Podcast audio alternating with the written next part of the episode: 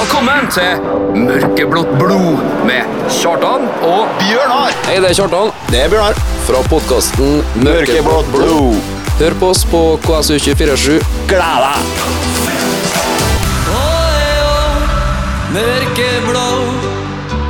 Mørkeblått blod. Tirsdag klokka 16. Og der var vi tilbake. Vi er tilbake. Vi er tilbake. Yeah. Yeah, yeah, yeah. Bra.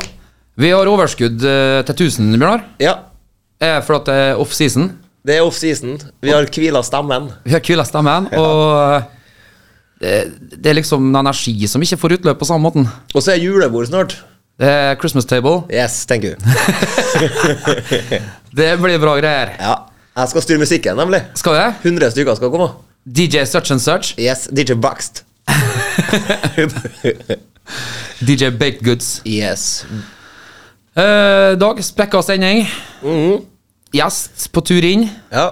Han rir ikke Johannes Adle, men det er sånn er det når det er celebert besøk. Da kommer man fashionably late. Yes. Um, utover det, eh, du skal jo gi meg oppdatering på VM. Nå begynner det å tetne seg til litt. så Nå regner jeg med at du har noe skikkelig notater å komme og dele med meg. Ja, for du har ikke vært på besøk til meg og sett VM? Nei, vi har kun spilt Fifa. Ja, det, har det, det var Fifa, som forrige Helvete, det blir bra, bra, graf, bra grafikk det har blitt på Fifa nå. Ja, det har det, vet du. Ja, Trenger ikke spakene engang nå. Nei, ikke bare, bare å se på. Nei, men eh, Fifa, ja. Det, og det, vi er jo jevngode. Ja, Du har jo du- kommet, kommet opp et knapp. Ja, nei, altså, det, det sitter, sitter vet du. Nå sitter jeg, ja. Når du får Maradona og Pelé og sånn, så er jeg litt sånn Ja, for du er jo ikke Messi og Zidane og sånn utpå du heller, så bare eh, roe litt ned. Nei da, det begynner å bli dårlig stemning nå, så det, det, det liker jeg. Det liker jeg. Ja, det begynner, det begynner å komme med sånn passiv-aggressive stikk og sånn, så nå begynner det, nå begynner det å bli koselig. Det er artig, ja. Uh, ja. Gjesten, ja. Uh, skal ikke si så mye om, men det, er- Det er ikke en gjest Bårdsen i hvert fall. det er ikke en gjest Bårdsen. Du, du er på. ja. Nei, men uh, det skal bli interessant. Uh, har mye spørsmål til den gjesten her, og det passer bra, for vi har ikke klart å heve oss rundt såpass at vi Du har dine rutiner forholde deg til. Dem er du vant med. Og ja. når dem avviker, da blir det vrient. Ja Jeg må, jeg må Ja, ta, nei noen runder med meg sjøl, ja. Ja, Du må gå her sjøl, tenke arbeidsoppgaver. Hvilken sang blir det? Du, det blir faktisk Ja, det blir Jo, det blir Mele Kaliki Makka med, med Bing Crosby. Ja, Ja, det er omtrent sånn. KSU Det var selveste Bing Crosby med Det er ha hawaiiansk. Heter det hawaiiansk? Eller Ur urinnvåner på Hawaii-språk. Ja, Mele Kaliki Makka. Det er en av mine favoritter, Bjørnar. Tviler ikke. Den er i playlista. Uh, du hører på Mørkeblått blod med Kjartan og Bjørnar. Uh, the podcast off season. Yes. Off season edition. Men vi har fått uh, celebert eh, besøk i studio i dag likevel, vi. Ja, vi får det til. Ja, vi får det faen meg til, ja. Ingen ringere enn uh, Jeg tar det ved fulle eksotiske navnet. Er det lov? Leonard Krasimirov Totev. Velkommen til oss. Tusen takk. Hva, eh, jeg søkte litt opp og sånn, men eh, jeg er så dårlig på å gjøre research. Så den, din hele tittel uh, i KBK, hva er det? Er det spillerutviklingsadministrator-sekretær? Nei. Ja. Tok dem og forkorta det til utviklingsleder. Utviklingsleder. Ja, ja. nei, men det høres mye bedre ut. Ja, det gjør det. Jeg tenker jo sånn at det, det blir jo ofte sånn at eh, når de som vasker doen, de skal hete sanitærassistent. Ja, det er akkurat sånn det er. Det er Doa jeg vasker, stort sett. Du vasker mye do. Ja, jeg gjør det. Nei, du har jo faktisk eh, det hele og fulle ansvaret for uh, utviklinga av talentene eh, i KBK. Ja, sammen med et godt team som vi har eh, satt sammen, så eh, har jeg administrativt ansvar for det, ja. Ja, Så ta gleder meg til. ja og vi må, vi må egentlig bare så ærbødigst, ærbødigst bøye oss i hatten, som de sier på Paradise Hotel. For her er vi eh, med en som nettopp har gått opp fra to til tre poeng på den skalaen som måler hvor, hvor godt den drifta du har ansvaret for, går. Ja, Det er- ja, det, Det er sånn. Sånn helt teknisk riktig så er stjerna de måler dette her i. eh, Det er masse, masse poeng, eh, men eh, Ja, seks år tilbake så beslutta norsk toppfotball å endre måtene de utbetalte midler til drifting av uh, spillutviklinga i Norge.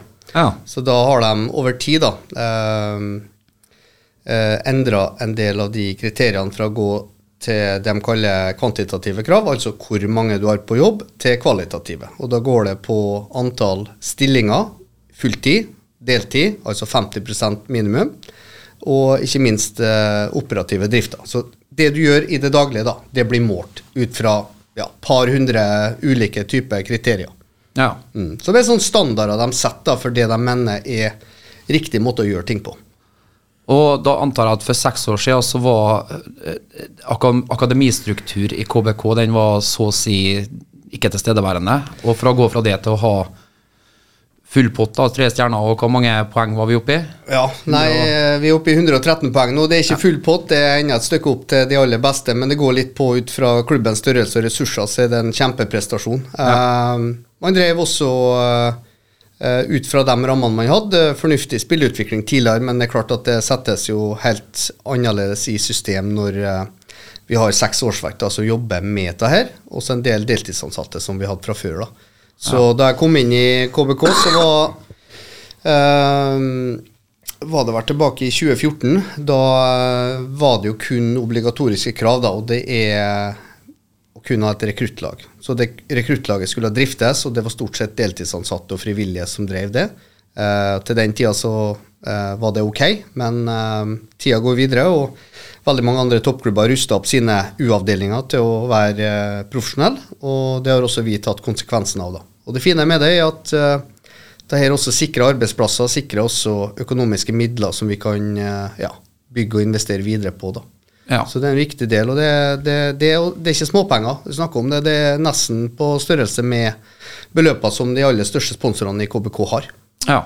Såpass, ja. Men det, viktigheten av det her kan jo ikke overdrives. Jeg tenker, eh, det her er jo å vaske frem det som etter hvert skal bli forhåpentligvis KBK-spillere. Og vi er jo, som en eh, Erik Hoseth påpeker, en selgende klubb, så etter hvert så kan det hende vi kan, vi kan eksportere en del av de spillerne her òg, enten til andre klubber i landet eller er i beste fall utlandet. Og da, da, da vil man jo begynne å se avkastning av den investeringa som er gjort. Men først og fremst så skal det jo bygge KBK som lag, med helst så mye lokale talenter som mulig. Hvordan eh, ser du på talentutviklinga fra Nordmøre og ja, omkringliggende områder som vi får inn eh, jeg vet ikke, 15-16-17-18-åringer fra? Ja, det er Over tid da, så har vi jo etablert uh, yngre uh, lag uh, enn rekruttlaget. Så jeg vil si at vi rekrutterer primært inn mot G15-alder. Så året de fyller 15, så kommer de til oss. Eh, så er det noen unntak, og det er de som da er tett opp mot nominasjon til landslag. De henter vi enda tidligere. Eh, og så er jeg inne i biten hva vi gjør eh, i, i form av den daglige drifta spilleutvikling og oppfølging av spillere, men den andre biten går på eh, scoutinga, at vi har god kontroll på nivået, og ikke minst hvilke spillere som vi mener har et potensial til å ta et steg videre. Nå er det ikke gitt når du starter prosessen med yngre at man når helt til toppen, for det er ingen garanti. Det er ingen, som jeg sier, det er ingen rød løper, og ingen rulletrapp til toppen. Og det er en veldig kronglete og en veldig uforutsigbar vei, som innebærer veldig mye hindringer, utfordringer. Eh, sperrer som du setter sjøl, og sperrer som andre setter for deg. Og det handler ikke bare om intensiteten av hvor mye du ønsker dette her, men vel så mye staminaen. Hvor lang og hvor stor utholdenhet du har for å eh, greie målsettingene dine. Som vi har sett i A-laget i eh, mange år nå. Vi har eh, spillere der som har blitt avvist fra akademi både i ja, Molde, Ålesund, eh, Rosenborg. De, har tatt sine, de har tatt en del eh, omveier, kommet til toppen. Vi har også en del lokale gutter som har uh, spilt med KBK opp gjennom divisjonene, som er ei reise. Og så har vi sett de si, si, siste tre-fire årene da, at det har vært utfordrende å uh, kompensere for det gapet mellom A- og B-laget. Og det gapet tenker jeg på da divisjonsforskjell, matching, treningshverdag. Og Det er derfor det har vært så viktig for de yngre å spille på den nasjonale arenaen med gutte 16 og gutte 19. Fordi det vil gi dem noen Vi kaller det fint referanser, men det er jo rett og slett bare nivået. da. Hvor fort ting går, hvor raskt du må tenke, hvor god teknikk du må ha for å utføre valgene dine. Eh, det er med på å kompensere det du mister da ved å spille i fjerdedivisjon et par sesonger. Ja. Uh, nå er vi oppe i tredjedivisjon. Det vil hjelpe. A-laget er i Obos. Det- det vil på sett og vis ikke nødvendigvis hjelpe, men det blir jo utgangspunktet ikke eh, heller eh, vanskeligere. Nivåforskjellen blir kanskje litt mindre, da. Ja, og vi håper jo hele tida å strekke og pushe sånn at A-laget er så god som mulig. Og det er helt urealistisk å tro at vi skal stille i Obos-ligaen med rent lokalt lag. Ja. Men uh, det er jo ikke bare det som handler om hva vi gjør i det daglige. Det handler vel så mye om at KBK er til stede, tar eh, talentutvikling seriøst. Og det sikrer oss også at de fremste talentene på indre Nordmøre og ytre Nordmøre velger KBK i 14-15-16-årsalderen i stedet for å gå til konkurrenter. ja. Og det har vi sett over 20-30 år, at mange har jo valgt den ruta. God spiller på Avra, god spiller i Sunndal, velger Molde. ja. Den trafikken har jo helt snudd. Og er det ikke litt sånn, og sånn som hvis du ser på internasjonalt, så det, det er jo mange spillere Du kan ta Brauten, du kan ta andre som har valgt å gå Ja, nå senest han som eh, spiller i Nordsjælland, altså som har valgt å gå til de som han vet har et godt akademi, og som slipper til yngre spillere tidligere. Eh, så det, det, kan det er ikke nødvendigvis at den største klubben får de største talentene heller. Eh, det, det kan hende at du får dem her, hvis du får rykte på oss for å ha et godt akademi, sjøl om klubben er nede i Obos, eller Ja, da Det er klart, det handler om døråpninger. da, vet du. Eh, og eh, det er derfor vi har de siste par åra brukt mye tid på uh, å supplere med talenter som finnes i Trøndelag, for vi vet at døra til Rosenborg er jo stengt foruten de 11-12-13 de velger hvert år. Eh, men det er veldig mye gode talenter i Trøndelag òg, og de supplerer de nordmørske talentene. Og så kommer det alltid noen eh, andre som viser initiativ fra fylket ellers, da. Hvor god er han der fra Steinkjer som vi henta her? Er Stopperen. Isak Aalberg. Ja. Ja, eh, Hører veldig mye gode ting. Ja, veldig smart uh, spiller. Veldig god teknisk. Um, han ehm, har uh, ja, fysiske fordeler han vil dra nytte av, og, og helt klart uh, en sånn type som er litt der i foran malen, hvis du kan se for deg den type spiller. Ja. Veldig smart, god, god venstrefot, både for korte og lange pasninger, og, og god i posisjoneringa si. Og så kanskje ikke den med det høyeste tempoet, men som vi har sett med en Dan Peter over mange år i Eliteserien. Du kompenserer med smartness, du kompenserer med plasseringsevne og, og forståelse av spillet. Så veldig mye forventninger til han, men det er mange der i rekka som er rundt den Isak òg, da. Og Isak var en type vi henta i god konkurranse mot Stjørdals-Blink, Ranheim, eh, Molde og Rosenborg.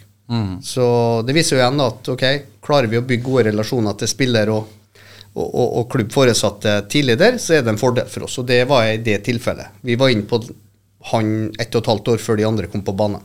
Ja. Det, det er mye spennende å ta tak i. jeg. Eh, Men eh, før du skulle komme og være gjest hos eh, Leo, så spurte jeg om hva er som står i playlista til Leo om dagen.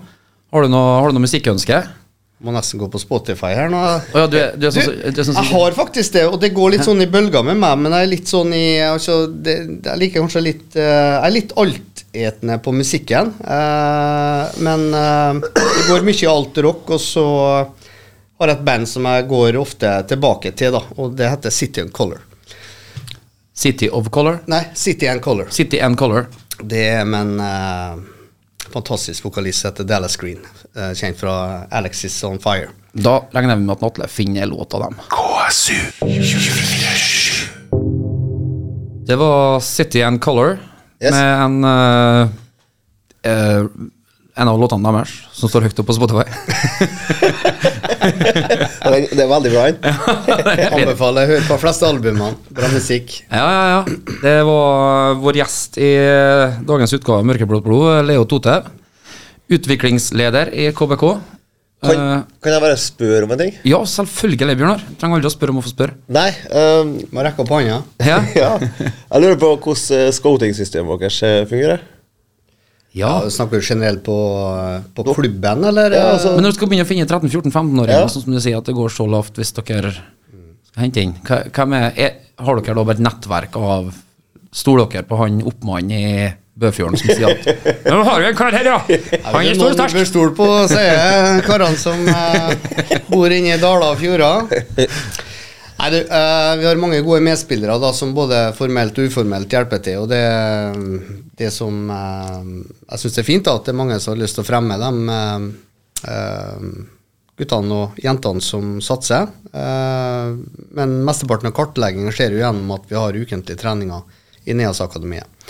Sånn at høst og vinter og vår så samles jo de spillerne som er nominert fra nordmørsklubbene inn ukentlig hos oss. Og da har vi jo selvfølgelig kartlegging der, da, gjennom både de trenerne som eh, har aktiviteten, men også eh, andre trenere i klubben som ser. Og så er observasjon i kamper. Eh, og så har vi ansatt en speider som vi har brukt i fire år nå, som eh, kommer egentlig fra Averøy. Han eh, jobber som rekrutteringsansvarlig oppe i Trondheim og har gjort en kjempegod jobb for oss, for, oss da, for at han tar seg av den ukentlige reisinga nord og sør og øst uh, utenfor Trondheim og i Trondheim by, der han sender scouting-rapporter til oss. Så tar vi en sånn kvartalsvis oppsummering, og så inviterer vi spillere. eh, som er viktig da for å se om det er en match med klubb og foresatte og sånn, om eh, flytting er aktuelt. da. Og det er litt eh, høyere alder òg, kan være, eller? Eh, altså De scoutes gjerne i 14-årsalderen, og så er det inn mot videregående at overgangen skjer. Ja. Men altså, det er noen som har valgt å flytte tidligere til Kristiansund. Jeg føler at det blir nesten litt sånn Når jeg hører sånn, Jeg ser sånn videopodkast på YouTube med Rio Ferdinand og alt mulig sånt, de snakker om at ja, de hadde av og til landslagsscouter, og så hadde de scouta fra uh, championship og av og til Premier League-klubber når de var 13-14 år. tenkte jeg sånn, Det har ikke vi opplevd. Men nå kan de faktisk også oppleve det. At det Ja. en 13-14-åring, så hvis de vet hvem han Ja, for han ofte ser på kamper, det, han er en sånn som scouter for Snikte seg en liten nerve. Det, det var noe å se på om spillerne takler nervene fra det òg. Ja, jeg har ikke så mye fokus på det. da Prøvde å være mest mulig anonym, de som vi eh, Ja. bruker til det. Men eh, det, det er klart eh, noe vi må være på vakt etter. Men det er jo en sånn evigvarende konkurranse som på en måte starter tidligere og tidligere. Utfordringa mi er jo at utenlandske klubber er veldig aktive.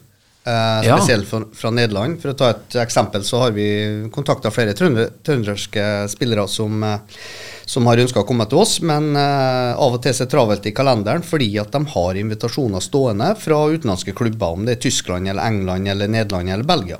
Så at allerede i 13-14-årsalder så kan det hende at det er enkelte som har fått invitasjon flere ganger eh, fra FC Midtjylland om å komme på besøk, og har vært der. Så det har vi opplevd flere ganger, og det forteller meg alltid liksom at Eh, Vi kan ikke være naive eh, når det kommer til dette her, fordi eh, mange talent eh, går også ut av landet altfor tidlig før vi rekker å få også avkastning av det talentet. Eh, og eh, dette vil jo bare fortsette. Da vi hadde ei eh, eliteturnering her med flest av de beste G14-lagene i landet samla her, så fikk jeg en mail ei uke i forveien fra Ajax. Ja. Og Ajax ønska sånn fri pass. eh, Jeg spurte til og med om parkeringsbevis og sånn. Jeg sa at de, det trengte de ikke, det blir ikke så mye folk. Jeg sa at s- stadion er utsolgt, så vi får ikke komme inn. Can you validate our parking if we come? Så uh, ja. Men Ajax kom, og de var uh, hele helga med tre scouter. Uh, og så alle kampene, og bedt om video også i etterkant. Og jeg har på en måte ikke gitt bort noe annet. Jeg måtte ha møte med dem før på en måte har gitt fra meg noe som helst. da. Eh, og det, det etterspørres jo laglister og full, full kontroll. Så jeg sa det var en betingelse her, at eh, de scouta Molde-spillere, Ålesund-spillere og Rosenborg-spillere, så var det greit for meg, bare så lenge jeg fikk beholde våre her. Da kan jeg til og med være kjenne en, så jeg kan til og med være behjelpelig med noen videoer der. Det er ikke noe problem. Nei da, så sånn er det. Men uh, vi skal ikke være naive overfor at det er en uh, ganske um, businessprega verden har blitt i fotballen. Og eh, det er ikke alt som godt som kommer med det, men vi må også vokte over vårt nærområde. Så um, drar man på en landslagssamling nå på Marbella, La Manga, eh, om det er 15 eller 16 eller 17 år også, det sitter 300-400 speidere på tribunen der fra ulike europeiske klubber som er på jakt etter den neste. Det er noe som man ikke tenker over. Er Når ikke. man tenker over altså ungguttene som er på rått, altså. Jeg så her våre, våre neste menn, var ikke det het? Når jeg var med den dokumentaren der, U15-landslaget og og skyggelandslaget der. Og de liksom er på sånne Og det var, det var ikke særlig fokus på det i den serien, men når du tenker over det nå, liksom, så, så er det allerede fra du er nesten ferdig på ungdomsskolen. Jeg tenker selv hvor ung og naiv og sånn jeg var da. At, uh, hvis du skulle liksom visst at eh, nå skal jeg på en treningsleir, og så er de sitter og kikker Sitt Bayern og Juve og Det er Ja, det er klart det er litt skygge- skyggeside av fotballen, eh, og det er noe vi må være eh, veldig klar over. Men jeg tenker at er det lokale gutter, jenter som har lyst til å ha god oppfølging, så er ei dør åpen inn til oss. Og eh, ja, eh, klarer vi å bygge gode relasjoner med dem tidlig, så tror jeg at de også velger oss foran en del andre. da. som de kan dra til senere hvis de blir gode nok. Ja. Ja. Så er det ikke for alle det heller å reise langt vekk hjemmefra. Det er flere som har prøvd å måtte komme tilbake fordi at det er Du er nå ikke utvikla. Du, du, du har ikke begynt på videregående engang, og så skal du begynne å prøve å ferde et sted. Og det, det er ikke for alle. Det krever en skalle. Veldig mye statistikk som viser til det at uh, hvis du eh, drar til utlandet og blir en del av et utenlandsk akademi i 16-17-årsalderen, så er en 80% sannsynlighet for at du returnerer til Norge. Da. Eh, dem som da debuterer i Eliteserien og spiller gjerne ja, anslagsvis 20-30 kamper, og da selges, kan da lettere hekse på det neste nivået de kommer til, om på en måte klubben de, som henter dem, har gjort en god jobb. Fordi det er også veldig mye feilscouting, at det er spillere som hentes til utlandet som er henta på feile premisser, eller så er det trenerskifte eller mange ting som gjør at de ikke får spilletid, og så kommer de tilbake. Men um, det her er, det her er veldig komplekst og vanskelig. Men uh, ikke dra ut for tidlig, i hvert fall mitt råd. Ja. Hvordan forholder du deg til sånn Det, jo, det blir veldig mye ramaskrik i Norge. Jeg husker jeg leste en artikkel for ja, si at det var et halvårs tid siden om et sånn eh, privatstarta lag nede på Østlandet. Eh, der velholdne foreldre på beste vestkanten og sånn har på en måte spytta i for å skape et sånn satsingslag. Slik at alle de Altså, Nå begynner jo pengene å råre, og vi begynner å snakke om at folk kjøper seg inn på lag, og sånn her da, men det, det var rett og slett fordi at de ønska en annen satsing enn det de lokale klubbene kunne gi. Og så var de oppe på et sånn elitesatsing, kalte de seg sånn og sånn elite, Oslo Vest Elite, eller et eller. Ehm, hvis klubbene i nærområdet ikke har det, så Jeg vet ikke. Hvordan stiller du deg til 12-13-åringer som samles i et elitelag i en storby som Oslo, eller Bergen for den saks skyld? Ja, eller Trondheim. Det skjedde Ja. jo nylig i Trondheim òg. De ble jo holdt på og ble utestengt av kretsen Nardo, som eh, hadde en foreldregruppe som starta opp det de kaller Tiger Academy. Ja. Og det var som et resultat av at uh, Rosenborg var kanskje en del seinere ut enn en del andre sammenlignbare toppklubber, eh, med et eh, talenttilbud tidlig. Eh, og så var det mange ressurssterke foreldre der som gikk sammen og, og fikk eh, eh, sydd sammen et opplegg der de reiste og turnerte og brukte veldig mye penger. Eh, det har jo kommet selvfølgelig en del gode spillere ut av det, da, men jeg tror det er viktig det at du har en del sterke toppklubber i hvert eh, nærområde som sørger for at det ikke er for vilkårlig og for forfordelt, og at det er kun pengene som rår i forhold til hvem som skal lykkes. Eh, da vi starta opp i 2017, så tok jeg en ringerunde rundt omkring og fant ut at det var store økonomiske forskjeller på eh, treningsavgifter. Alt fra eh, dem som holdt seg på en eh, ja, nivå 6000-8000 i året, til de som tar eh, 25 000-40 000 i året for å spille fotball der, om du er i Stabæk eller Tromsø. Eh, og så er private gymnas og private ungdomsskoler noe som popper opp. Så eh, vi må prøve å være motvekt til det, og jeg tror at eh, er vi, fortsetter vi som en sterk toppklubb i vårt nærområde, så tviler jeg på at det kommer opp noen private alternativer. Eh, Jeg vil i hvert fall kjempe veldig hardt imot det. Ja. Jeg ber Enig. at de er i uh, moderklubbene sine eh, lenge nok, og så kan vi være med for noen få. En liten uh, 8-10 der på den siste reisa. Og så er det ikke bare til A-laget eh, vi kan eh, bistå med, med å, å føre opp spillere, men eh, det kan jo også være andre klubber i toppfotball nå, da. Det, Jeg blir veldig stolt og glad hvis jeg ser lokale gutter som har gått til oss som uh, spiller fast i PostNord, uh, spiller i Obos-liga. Ja. Eliteserie, eller kanskje som du nevnte innledningsvis, eh, blir solgt en dag. og Det er jo kjempefjær i hatten for klubben hvis det skjer, og så er det kjempepositivt for moderklubben, som får noen velfortjente kroner. Ja. Og så renner en liten tåre nedover kinnet til en Leo Tote, for han vet at han har vært med og fått frem den gutten der, eller jenta her. Ja, skal si 99 har han stått for sjøl, da. Og så får vi, da. får vi si at vi har bistått med noe promille. Har du noen navn eh, å trekke opp i hatten? Ikke promille, det er ikke lov å si. Det er i idrett, da? Har du noen navn å trekke opp i hatten som spiller fast, som har vært innom rundt omkring? Har jo en eh, kjempeflott eh, gutt som heter Marius Olsen, som Ja. har spilt mange sesonger nå i eh, Levanger. Ja. Han er sånn type som er fort kanskje nå i 2023 spiller Obos-liga. Ja. Ja. Og jeg vet han er ettertrakta flere klubber. Vi har, eh, eh, vi har en Ole Sættes vært innom, da. ja, han har vært innom. Jeg har vært innom, og eh, det var et fyrverkeri av en eh, type. og, Det ser vi jo nå. eh, Alle her ser jo det. Jeg er glad for Ole at han tok den ruta han tok. Det var nødvendig for han det. Eh, vi hadde ikke eh, eh, klart å gjøre han bedre i den perioden eh, 2019-2020, rett og slett fordi at eh, eh, ja, korona, korona kom, og så var det et fjerdedivisjonsår der som var litt eh, ja, lavere enn det han trengte for den alderen han var i. Må huske at han kom til oss senere, og, og eh, ja, jeg er jo kjempeglad for å se hva han har ut eh, ja, Artig hvordan han har type. prega Eliteserien i år, da. Han er en artig type. Ja da, eh, spesielt Han har karakter. prega han litt mindre akkurat den kampen mot oss, men ellers så er det greit at han preger. Han og Max lekt lekte seg litt. Ja, ja Max er en annen type. Ikke sant? Nå skåra han sist. Han spilte mot Belgia og Tyskland i U20. På U20-landslaget, som er også året eldre enn det han tilhører. Ja. Han skårer mål mot Tyskland der.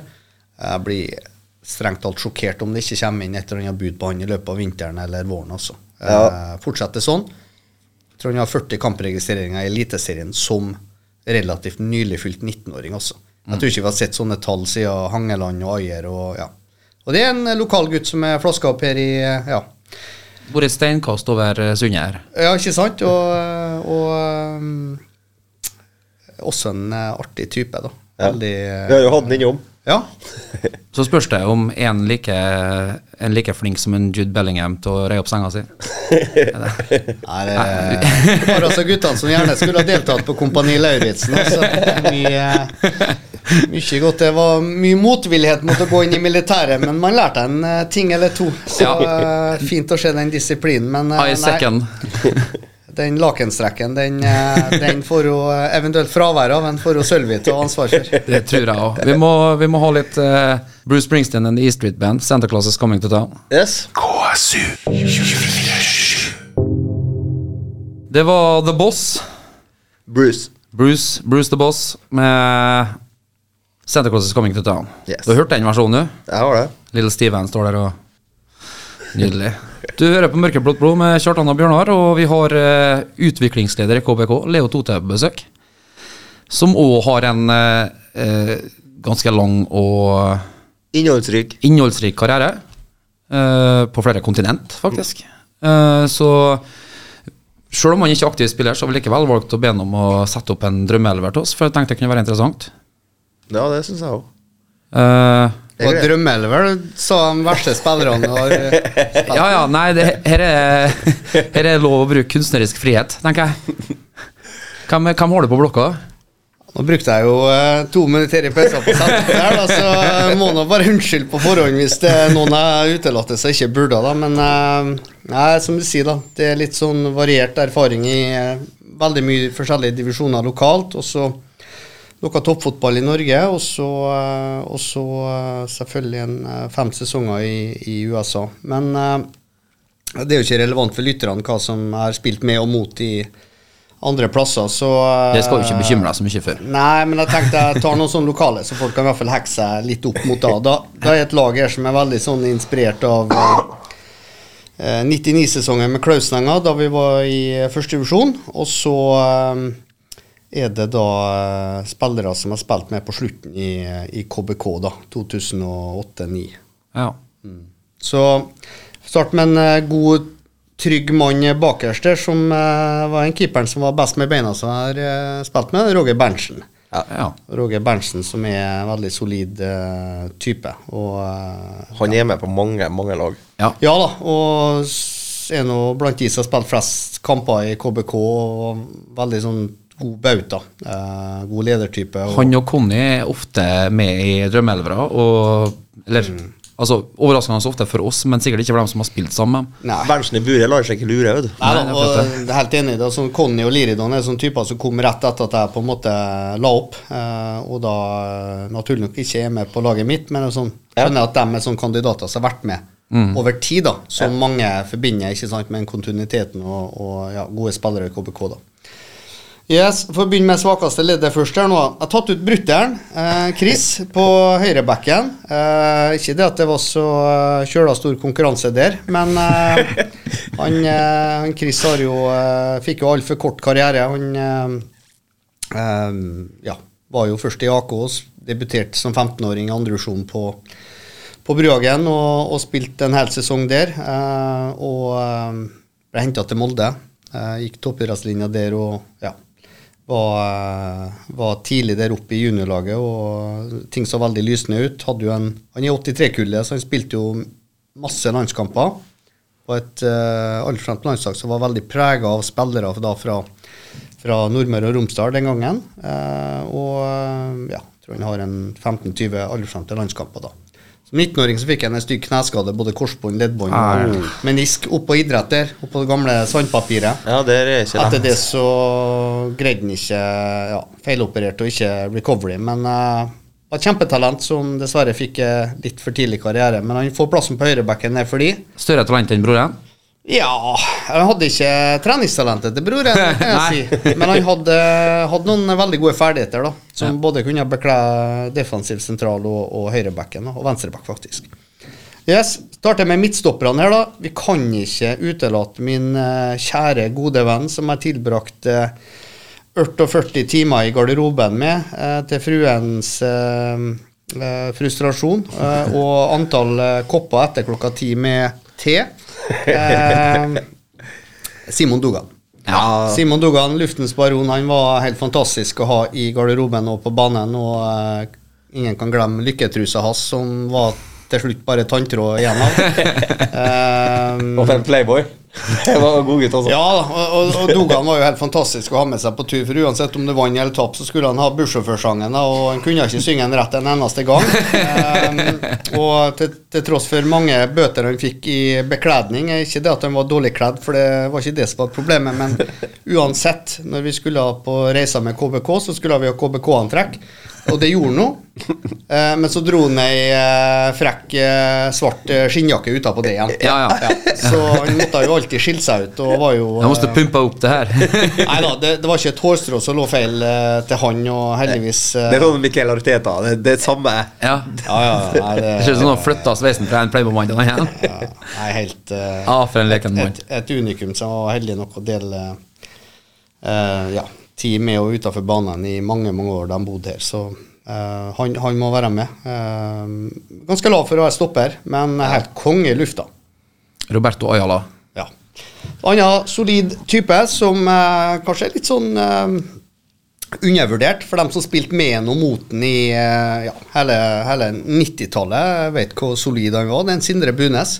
Ja. Han var ekstremt god. Eh, en av de tøffeste motspillerne og for så vidt eh, da på trening og i kamp, men eh, også en av de beste medspillerne jeg hadde. Så heldig å få et par sesonger med han, men ordentlig bauta. Ja, og men som ser ut som så Ja. godt som han. Nettopp. Ser ut som han er svær, så når du ser han som motstander, tenker du ja, det er en kjøttstopper, ja. Men så fotballhode òg, ja. Ja. Og pasningsfot og klok og i hele tatt. Ja, ja. Nei, den var ja, ordentlig bra type. Måtte ha i laget ditt. Og ja, jeg husker en gang han eh, ble stilte stilt et spørsmål om svakheter, så skrev han vel bare at han snusa for mye. Det var svakheten jeg kunne finne med han. Så uh, Sindre må med. Jeg er jo i dag assistenten assistenttrener i KBK Kvinner, og så ser nå han eh, også ut på feltet på ettermiddagene. Ja. Jeg snusler på æren, ja. Se på her, vet du. Uh, ja, midtbanen. Litt spennende. Litt uh, avrøyprega. Jeg må ha med en uh, Magne Hoseth. Som nå er klar for uh, Klaksvik. Magne og jeg vi tilbrakte jo mange år sammen i AK. Da jeg flytta hit som elleveåring, uh, så ble vi fort kjent. Han er året eldre enn meg, og har jo da på en måte alltid vært den som eh, tenker jeg var den som satte standarden i trening og kamp. Eh, fantastisk eh, tøff type å bryne seg på. Eh, hadde et finterepertoar og nærteknikk som var helt enormt, så det var ikke tvil om at han ville nå langt. Og sammen så fikk vi mange sesonger der eh, vi spilte futsal om vinteren, og kanskje var sånn hoveddriveren i min utvikling, da. At vi fikk så utallige timer sammen i gymsaler Ja. og på um, eh, parketten og, og eh, ute i Averøyhallen, eh, der vi fikk eh, som smågutter og guttespillere matche oss til og med opp mot A-laget. Eh, så gode var vi, og ble jo skikkelig sånn medaljegrossister og henta hjem pokaler fra land og strand rundt på alle innendørscuper. Det må jeg bare få skyte inn. Jeg, jeg husker så godt én cup, om det var Atlanten Cup eller Enga Cup eller hva det var for noe, men det var i hvert fall ute i dressene der. Hvor mange hos jeg spilte for det med han Røsand og de guttene var kanskje med du òg, men Ja. altså å se han spille fotball her, det var på en måte den roa, og det så ut som han spilte sånn som hvis vi nå Bjørnar hadde forrige på ei knøttetrening med åtte-niåringer, så hadde vi kommet til å se så gode ut òg, som han gjorde, men spilte med jevngamle eller eldre. Altså Den roa her, han sto bare liksom og rikka litt på rumpa. Og så, jeg, tror han, jeg tror han Ronaldinho henta den her mot uh, Chelsea her med å bare stå og ta en liten uh, uh, og så tå han i lengste. Det sto eh, Magne Oseth og gjorde for fun på disse cupene her. Så det må ha vært sykt å, å vokse opp med å spille sammen med, kan jeg tenke meg.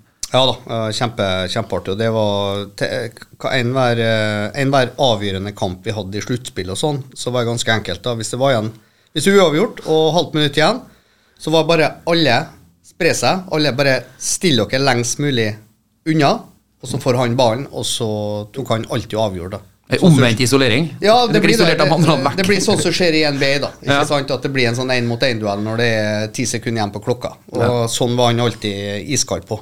Eh, ikke alltid den tøffeste inn i kamper, for at han har jo snakka om ta ofte i intervju senere, og at han sleit litt med nerver og sleit litt med magen, og at eh, han var ukomfortabel. Så altså Magne som 14-15-åring, selv da ville han ikke starte sluttspillskamper i Ottacup, altså. så eh, det var litt sånn eh, Eh, morsomt å se at eh, nervene var ikke der før kamp, men i kampens hete så leverte han alltid, da. Han var så slepen på den det som engelskmennene kaller the drop of the shoulder. Den der, der, og så er vekk. Og da, Gjerne trippel oversteg og ikke sant i avslutning. Så eh, solid. Så kjempetakknemlig for de eh, årene jeg fikk med Magne, og eh, selvfølgelig ønsker jeg masse lykke til nå på Færøyene. Jeg tror vi skal gjøre en eh, stor innsats for å prøve å lure oss til en tur eh, bortover i løpet av året. Regner, regner med at vi ser den igjen. Ja. Så må vi ha en annen eh, type her. Han er jo selve legenden, da. Uh, og uh, hva skal jeg si, den, den jeg tror de aller fleste kan se opp til. Det er jo storebror til Magne. Jan Erik. Du kan ikke glemme han. Uh, Eksepsjonell spiller, og mange som har ønska og drømt om at han tok talentet sitt enda lenger ut, da. Men ble, jo, ble jo da en klubblegende i AK. og velfortjent så, så mange år som han har holdt på. Og jeg er sikker på at han kunne ha spilt bedre enn de aller fleste i dag, da, hvis, om han hadde orka. Så uh, Hyllen Jan Erik, han uh, som ung gutt å komme opp i AK, var fantastisk å se hvor mye han la i det. da, Og ikke et sekund på trening var kasta bort. Og det liksom var en veldig fin ting å komme opp til det.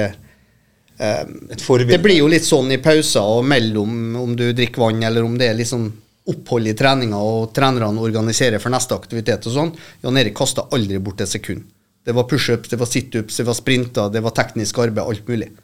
Og det var en sånn Hei, våkne opp litt. Her kommer vi ungguttene opp, og så skal vi ta plassen til seg, til seg stjernene her. De har ikke tenkt- de har ikke tenkt å gi fra seg gratis. Nei, akkurat, og det var sånn fint signal òg. Og um, det var ikke bare å late seg vei til toppen og flyte på talentet. Og det, selv de aller beste også tok det steget videre, og det var Jan Erik som satte den standarden. Så fikk spille med han i to perioder, både i AK i, i Enga, og begge har vi hatt en eh, ja, um, tror jeg gjensidig veldig eh, eh, mye glede av. Ja. Og så eh, glemte vi venstrebacken her nå. Det må vi ta med. Det er ikke en lokal type, da, men uh, uh, Jeg hadde nesten glemt det. Men tilbake til år 2000. Da jeg var i militæret på Værnes, så ble jeg norgesmester i militærfotball. Oi!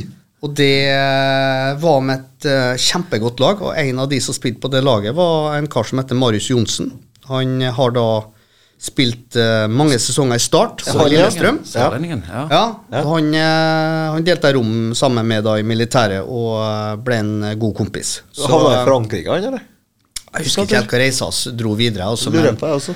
fikk jo ja, et par kamper tror jeg, på landslaget osv. Men Marius er kjempefyr, og, og eh, ja, eh, lillebror til en Espen Johnsen, hvis du han keeperen Ja, ja, som spilte på Rosenborg òg. Ja. Så eh, kjempegod venstreback, og var jo nær ved å vinne eh, serien der, tror jeg, i 2005. Med Doffen og gjengen, ja. Ja, Ja, det, det var en offside, offside som ikke skulle vært offside, eller noe sånt, ifølge Tom Nordli eller noe sånt, som var mangla på at de tok det. Klart det. Så av mange alternativ, eller veldig få alternativ på venstrebacken, så må han soleklart få den, da. Men det laget det er tilbake til den gang uh, hadde jo også Nespen Espen Hoff, som uh, fikk dobbeltcupfinale det året. Ikke bare med oss, men også med Odd. Ja. Eh, kanonspiller og Senest uka før cupfinale mot Viking der, så eh, holdt han på å greine en natt på skytterpost sammen med meg. For at han fikk ikke fri til å spille cupfinalen. Neste morgen så var han henta i hu og haste. Da hadde det vært noen som hadde tatt noen telefoner der. Ja. Eh, og så en annen kar som heter Ardian Gashi, som også har spilt for Fredrikstad og Viking og sånn. Så supplert med en del gode trøndere. Så eh, det var et suverent lag som uh, vant uh, Gashi. norgestittelen den gang. Garsi spilte vel, men uh, Spilte i Molde, da. han er jo fra Kirkeseterøra. Ja, men det Kirkesrød-laget her var ikke det med han uh, Foran. forhen, og så han som var i KBK, vet du, han uh, Foran er noen år yngre enn en Gartner. Snekkvik, ja. Snekkvik, ja. Ja, men, å, de er Jeg tror det Gashi er samme som det er 81-modell. Eh, De andre er vel 85-86, tror jeg. Så jeg er usikker på Jeg tror ikke de spilte på lag sammen. Men vi snakk, snakk om det tilbake til det med Magne og innendørsfotball og sånn. Faen altså. Eh, Magne var god, men uh, Adrian Gashi, han eh, Ja, han var minst oppå det nivået også. Men det var Helt vanvittig til frekvens og teknikk. Ja, jeg har Og temperament. Han fikk jo rødkort i hver kamp, da. Men uh, Nei, Ordian kunne jeg sikkert vært med inni her, men uh, jeg velger en annen fra Kirksæterøra som vi var inne på her i sted, og det er en uh, Aske Snekvik. Ja, ja, ja, ja, god gutt. Han er Legende. Så ikke ut som en fotballspiller, men uh, få som hadde så silkemyke touch og pasninger og spillforståelse som han. Uh, seig fremover i banen som et eh, ja, som et dampskip. Han, han, springer, han springer fra knærne, ikke fra hoftene. Var ikke det han uh, Sir Alex Ferguson sa om han, eh, Jordan Henderson Ja, det er noe med det, da. Nei, veldig flotte tyngdeoverføringer, godt repertoar, levert alltid de største kampene og var en fryd å spille sammen med. Ehm, Jeg ble jo uh, ugle i 2009, så har jo noen av disse guttene der uh, jeg husker, liksom. ja.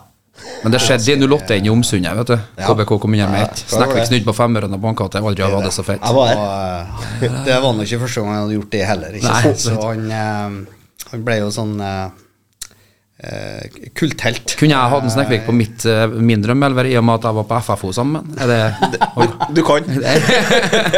da, da er en bankers rett inn. Nei da, en god kompis og ja, kjempefin eh, medspiller og ja. eh, han, han må nå være der på indreløperen, vet du. Eh, så har vi de på topp, da. Eh, her har vi eh, en annen KBK-spiller som eh, sikkert flere har satt veldig stor pris på å spille med. Det er en Tor Erik Torske. Eh, og Tor Erik var litt poteter. Vi kunne brukes litt overalt. Eh, Tor Erik var oftest i eh, fremste ledd, og eh, vi hadde et halvt år der både en Momo Latyr og en Chris Bright var skada samtidig. Og da spilte jeg og Tor Erik spissa sammen, og jeg husker ikke om det var 2008 eller 2009, der, men, men eh, den halve sesongen der, så ja. eh, skulle gjerne sett statistikken tilbake på det, men eh, det var mye mål og mye assist eh, oss innbyrdes, og hadde veldig god spillforståelse. Begge var veldig aktive både i mellomrommet og bakrommet, og uh, Tor Erik er selvfølgelig jobba med mange år etterpå. da. Eh, fantastisk fyr og veldig ydmyk og hardtarbeidende, og eh, noen som eh, virkelig satte pris på å, spille med. Han vender opp med ballen uten å miste fart, var ikke han Marius Nordlisand? ja. Ja. Det er en sånn vending, sånn at det, går ikke, det, det slakkes ikke ned for å vende med ballen. Det, bare, det går i like stort tempo som når du sprang. Nei, Det rare med han han har ekstremt stor fart uten at det så så veldig sånn atletisk eller eksplosivt ut. Men ja. forflytninga var bare så ekstremt eh, sånn sømløs og bare kom seg til bare viktige, eller farlige posisjoner hele tida. Så kløkt og en god goalgetter og eh, med unntak av hodespillet, skulle jeg si, så var han eh, ganske, ganske fullkommen som spiste der i, i andrevisjon de årene vi spilte der. Så, Absolutt. Jeg, har spilt med han, vet du. Ja. Ja. Ja, altså på, ja, på Oldboys, ja. ja. Ja. Med Men jeg er sikker på han, han, han var sånn type han som eh, spiste en pose smågodt, han så kunne han prestere like godt som om han hadde ja, det beste oppladninga. Så nei, han er bra type. Han må med på laget, vet du.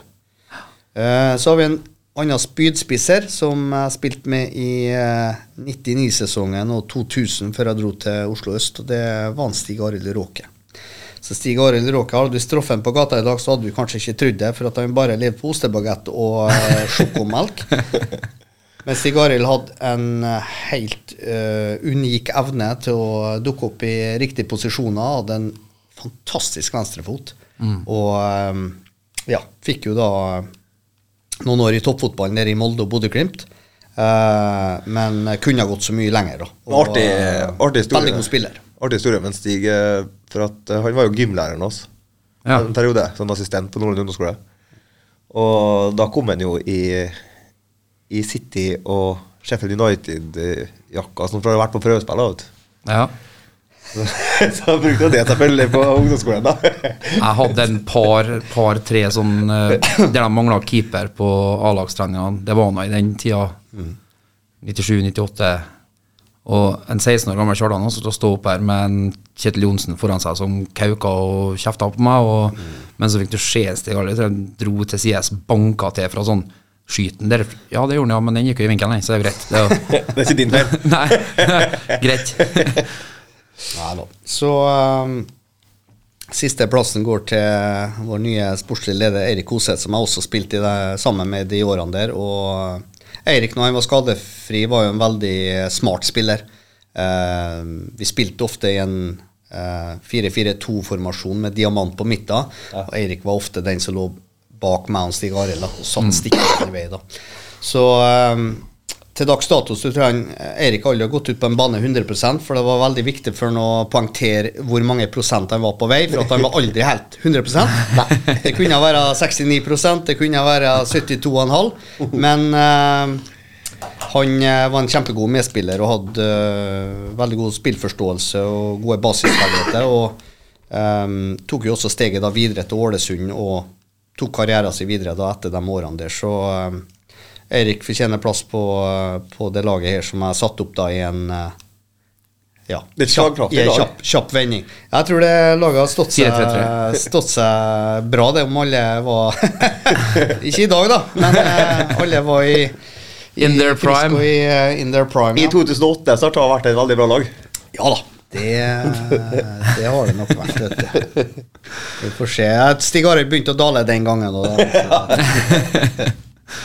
Nei, men det, det tror jeg var et slagkraftig lag, ja.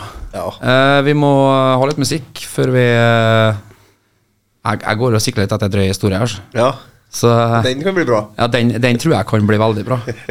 Uh, Mariah Carey, 'All I Want for Christmas'. Is you. KSU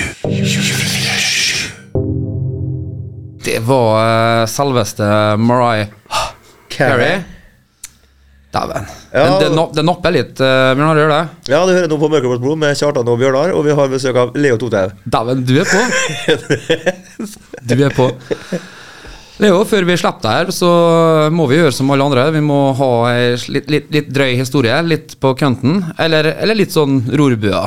Skal vi ikke være dus, typ. Ja. Det må nå ha skjedd noe på noen reiser med KBK i, i, i oppstartsfasen. Har du noe, har du noe krydder til oss? ja, jeg tenker Når du utfordrer meg på det her nå, så blir det alltid litt sånn press på hva man kan si og ikke, da. Men jeg har valgt å være fullstendig utleverende. Ja, for det Jeg liker, liker hvordan du liksom var veldig reservert, men så er det sånn Men jeg valgte å bare Så, eh, så her eh, There goes. Nei da, det, eh, Det er foreldelsesgreier på det her, vet du. det må, Jeg håper ikke det blir noe Åsted Norge-legg Insider. men eh, en av et par sånne ting som jeg tenker tilbake på, for at eh, det er jo mye som er fortrengt òg, egentlig. Men eh, det var et par, par treningsleirer vi hadde med KBK der. Eh, en av dem så et par episoder jeg husker tilbake på, der eh, eh, 2007 så dro vi til Stavanger av alle plasser på treningsleir. da For der uh, var det noen som hadde sagt til en Geir Midtsian at uh, det blir gresset grønt tidlig. uh, det var frost når vi kom frem, så det ble ikke noe gresstrening. Men vi skulle iallfall ha noen treningskamper mot eh, Randaberg og eh, Bryne. Og eh, vi bodde på en campingplass utafor sentrum. Erik Bergsnev, legenden Erik Bergsnev var reiseleder, da. Han eh, la nå seg senere og sto opp senere enn alle andre. Eh, var ansvarlig for innhandling av eh, både frokost og ene med det andre. Og gjengen de eh, Sulta. sto og sulta eh, utafor de små hyttene sine. Eh, Simon Dogan måtte koble av litt på kvelden her, fredagen vi kom. og første han gjorde etter fem minutter, var å jogge på eh, faktisk eh, en død person som eh, lå rett ved hytta. Så det starta jo ikke spesielt bra. Jeg var jo sjokka sjøl om det her var, spurte om det var helt normalt i Norge. Så jeg, jeg tror ikke det er normalt, det her. Um, jeg og Roger Berntsen delte hytte, og begge kom hjem med sikkert 100 loppebitt. For at uh, så her uh, hyttene vi hadde leid, det var jo uh, ymse som hadde bodd på før. Eh, sikkert kråker og fugler og alt mulig. Så vi bruker sikkert Og alle vet jo det er steindyrt å reise fra Kristiansund til Stavanger, så det er sikkert den dyreste treningsleiren i klubbens historie, eh, i tillegg. Eh, ikke fikk vi mat, og tennene måtte vi pusse med, ja, med vannet, vannet fra innsjøen, og Nei da. Men fikk dere en hudbehandling, da, i og med at dere sikkert måtte inn med noe aloe vera og noe salve etter Nei, det var ikke noe hudbehandling. Jeg tror vi fortrengte og snakka ikke egentlig om det før ei uke etterpå. Så spurte Roger om eh, Du, du kommer vel ikke tilfeldigvis hjem, du, med en del sånne røde prikker på kroppen? Så sa jeg lå jo på køya over deg. Selvfølgelig hadde jeg akkurat det samme som deg, da, men eh, Litt av en opplevelse, men eh, ja. Og ble ingen uh, gressbaner. Vi fikk vel en kamp mot Bryne på ei sleip eh, matte der, men eh, mot Randaberg, så ja.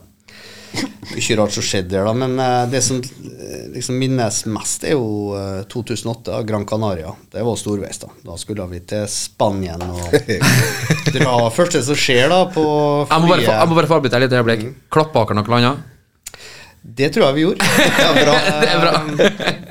Vi var ganske happy med det, da. Eh, Et, et uh, kobbel av uh, både sportslige og usportslige ledere som uh, reiste med oss der, som uh, var godt på brisen før uh, 10 000 meter. Og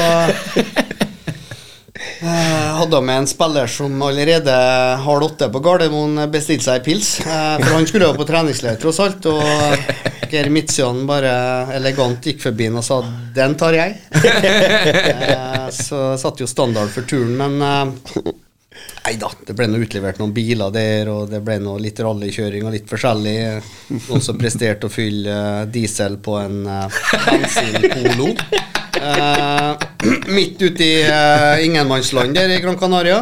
Uh, eh, etter to dager så kom jeg inn på hotellrommet som jeg tilfeldigvis delte med Dogan. Og eh, jeg gikk inn på badet, så var det vegg-til-vegg-teppe. Uh, Høres ut amerikansk motell. ja, Uh, så kikka jeg bare på Simon, og så sa jeg hva som skjedde her. Og så sa han nei, jeg måtte, måtte skifte pels, sånn. Å ja. så han eh, Simon hadde Han hadde tatt full kroppsbarbering. Både, både mage, lår, rygg og eh, det som verre var. Eh, så jeg sa det her må du finne en støvsuger for, for dette kommer til å tette sluken som bare faen.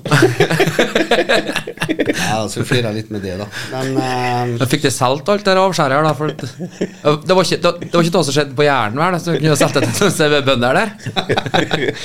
Nei, det var mye rart. Vi hadde jo med en del unggutter. Erlend Sivertsen var unggutt den, den gangen der, da, så han fikk jo se Ja. Mye kjekt vi fant på innimellom. da, Litt minigolf og litt uh, ene med det andre. Uh, spilte jo en kamp mot uh, Las Palmas, faktisk. Uh, Geir Mitzian eh, hadde ordna det. og vi eh, gikk inn i kampen der i 40 graders eh, Nei, 40 grader var ikke det, var 30 grader. Og varmt nok for oss. Og uh, gikk inn i, i kampen der med, med plan om at eh, så lenge vi holder eh, kula i laget, så pisser vi på dem. Eh, og det var jo et ganske godt lag, det her. da Spilte andrevisjon i Spania, så eh, jeg tror Roger Berntsen tok eh, 30 femmetere den første omgangen der. Um, lå under eh, 4-0, og Las Palmas-spillerne spilte jo egentlig bare i sånn sports-BH med GPS-brikke på. Eh, så eh, vi var ikke særlig høy i hatten der, da. Så bytta de inn på hele juniorlaget i andre omgang, da. Og da gikk det litt bedre, men eh, siste kvelden tok oss en liten fest der. Um, Lita. Uh, han er noen som kjenner til en Lobos. ja. Lobos var sjåfør der før han, eh, Simon og Rob Giacomi og Chris Bright. Keeperen som ble spiss. Keeperen som ble spiss. Eh, italiensk kan canadier der. Han hadde jo slitt eh, med å trene hele uka fordi at eh, jeg delte jo rad med en på flyet, og han var ganske lang, da. Eh, og avstanden mellom setene var veldig lite. Så han satt jo med knærne i spenn i setet foran han i fem timer ned til Gran Canaria der, og greide ikke å trene første seks dagene. Eh, men tilbake til den berømte bilturen. da Jeg kjørte en bil med noen av de yngre gutta. Og Lobos kjørte en annen bil, og plutselig kom vi til et lite veiskille. Og så sa guttene at de ville dra på noe ja, shopping, og så følte jeg meg litt forplikta til, til å følge, følge med dem. Og så hadde Lobos en plan om at eh, han skulle ta kontakt med en eh, onkel han kjente, som drev en nattklubb i eh, mer sentrale strøk av Canaria. Eh, noe som ikke stemte, da. Så eh, endte de eh, opp der sent på kvelden. Jeg fikk jo bare ta gjenfortalt, for jeg var jo ikke med på det. her, Men Simon kom jo hjem eh, sent på natta der og ganske frustrert og sint og begynte å eh, I frustrasjoner så begynte han å ta situps og pushups. Så sa jeg hva som skjedde, og så sa han nei, jeg vet ikke hvordan jeg skal si det her, men eh, men vi dro til et sted eh, som ingen visste hvor var. Og det var kjempekjekt og god stemning, og det var en sånn liten landsby som var bare pynta fra topp til tå. Og eh, vi gikk rundt, og så så vi etter et bord og satte oss med, og, og så plutselig bare la vi merke til at det var ikke det var, ikke, det var ikke noen jenter rundt omkring. Det var masse mannfolk som leddes. Og eh, plutselig så var det ene ja, ene spilleren etter andre da, som ble litt sånn uh, nysgjerrig og mistenksom her, da, så de gikk jo med ryggen attåt eh, veggen hele veien der, eh, langs murene i landsbyen der, og litt sånn, ja. Så eh, de hadde jo hatt litt av en kveld der, da. Dro, dro tidlig hjem, og så, og så kjørte de tilbake til hotellet og Da måtte han Dogan finne frem litt av testosteronet sitt og ta noen pushups. Ja da. Det var jo der Kom jo nybarbert som en nyfødt sel eh, inn på rommet, vet du, og ganske hissig. Og meg, da, som hadde sluppet en løs der i feil bil, og hva enn han skulle gi meg skylda for. Men hadde ikke hatt noe med dette å gjøre. Men det er en god historie, da. Så blant flere. Det er litt der du tenker tilbake på. Fotballen er eh, fantastisk på den måten at eh, når karrieren er slutt, og alt er gjort opp, og eh, du, du lar minnene eh, komme tilbake, så er ikke liksom eh, rondoen eller pasningsøvelsene eller eh, nødvendigvis spillet på trening osv. Doggiesene du tok. Du husker det. Garderoben du husker. Turene, Ja. Ja. treningsleirene, alles opplevelsene sosialt. Altså, det er noe som jeg snakker ofte med yngre spillere om, at du må nyte den reisa her. Ja. Vet ikke hvor langt den tar deg, og det er mye som er ute av, eh, ut av dine hender. Men uh, nyt det mens du holder på, for at eh, den dagen det er ferdig, så får du ikke den tilbake. Så uh, garderoben må du ta vare på. Jeg Du kunne, du kunne holdt seminar Leo, om akkurat det der. For at det, det er det som vi har eh, prøvd å messe om eh, siden vi starta denne podkasten at det er akkurat da jeg tror vi ønsker å formidle til lytterne våre. Det, er- det er muligheten til å se det som foregår bak eh, altså en slags metaforiske dør som de ikke får se. Eh, garderoben, treningsleirer. For å bli mer kjent med spillerne. For det, det er mennesker, det. Om det selvfølgelig har blitt mer, mye mer profesjonalisert nå, i hvert fall i KBK og i fotballen generelt. Men eh, det som du sier, de historiene der, de, de tror jeg betyr vel så mye som hva vi fikk ut rent konkurransemessig.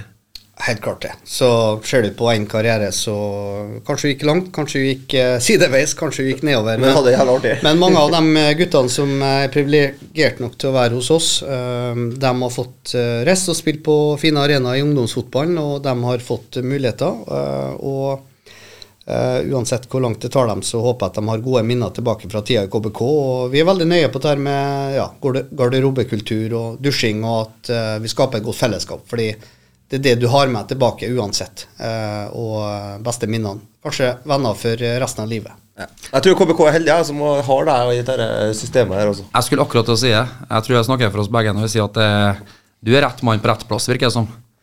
Eh, vi har prata lenge og vel, men vi kunne sikkert prata i det kjedsommelige. Men nå må vi rett og slett bare kutte av. Vi må takke deg, Leo, for at du tok turen og besøkte oss. Ja. Takk, kjempehyggelig. Så lykke til videre med å få frem talentene. Ordne en, ordne en Messi og en Ronaldo, er du snill. Bare. Skal prøve å gjøre det. Og så må vi ta opp den kvelden her en gang om disse historiene. Vi er ikke ferdig med det. Nei, det var en potpurri som jeg satte pris på. Vi, eh, har ennå ikke snakka om Klausenga 99. Det Nei, vi er mye som skjer. Det hører vi, hører vi en ny gjest som kommer tilbake. Yes. Ja. Takk for oss. Yes, ha det. Ha det. Velkommen til Mørkeblått blod med Kjartan og Bjørnar! Hei, det er Kjartan Det er Bjørnar. Fra podkasten Mørkeblått blod. Hør på oss på KSU247. Gled deg!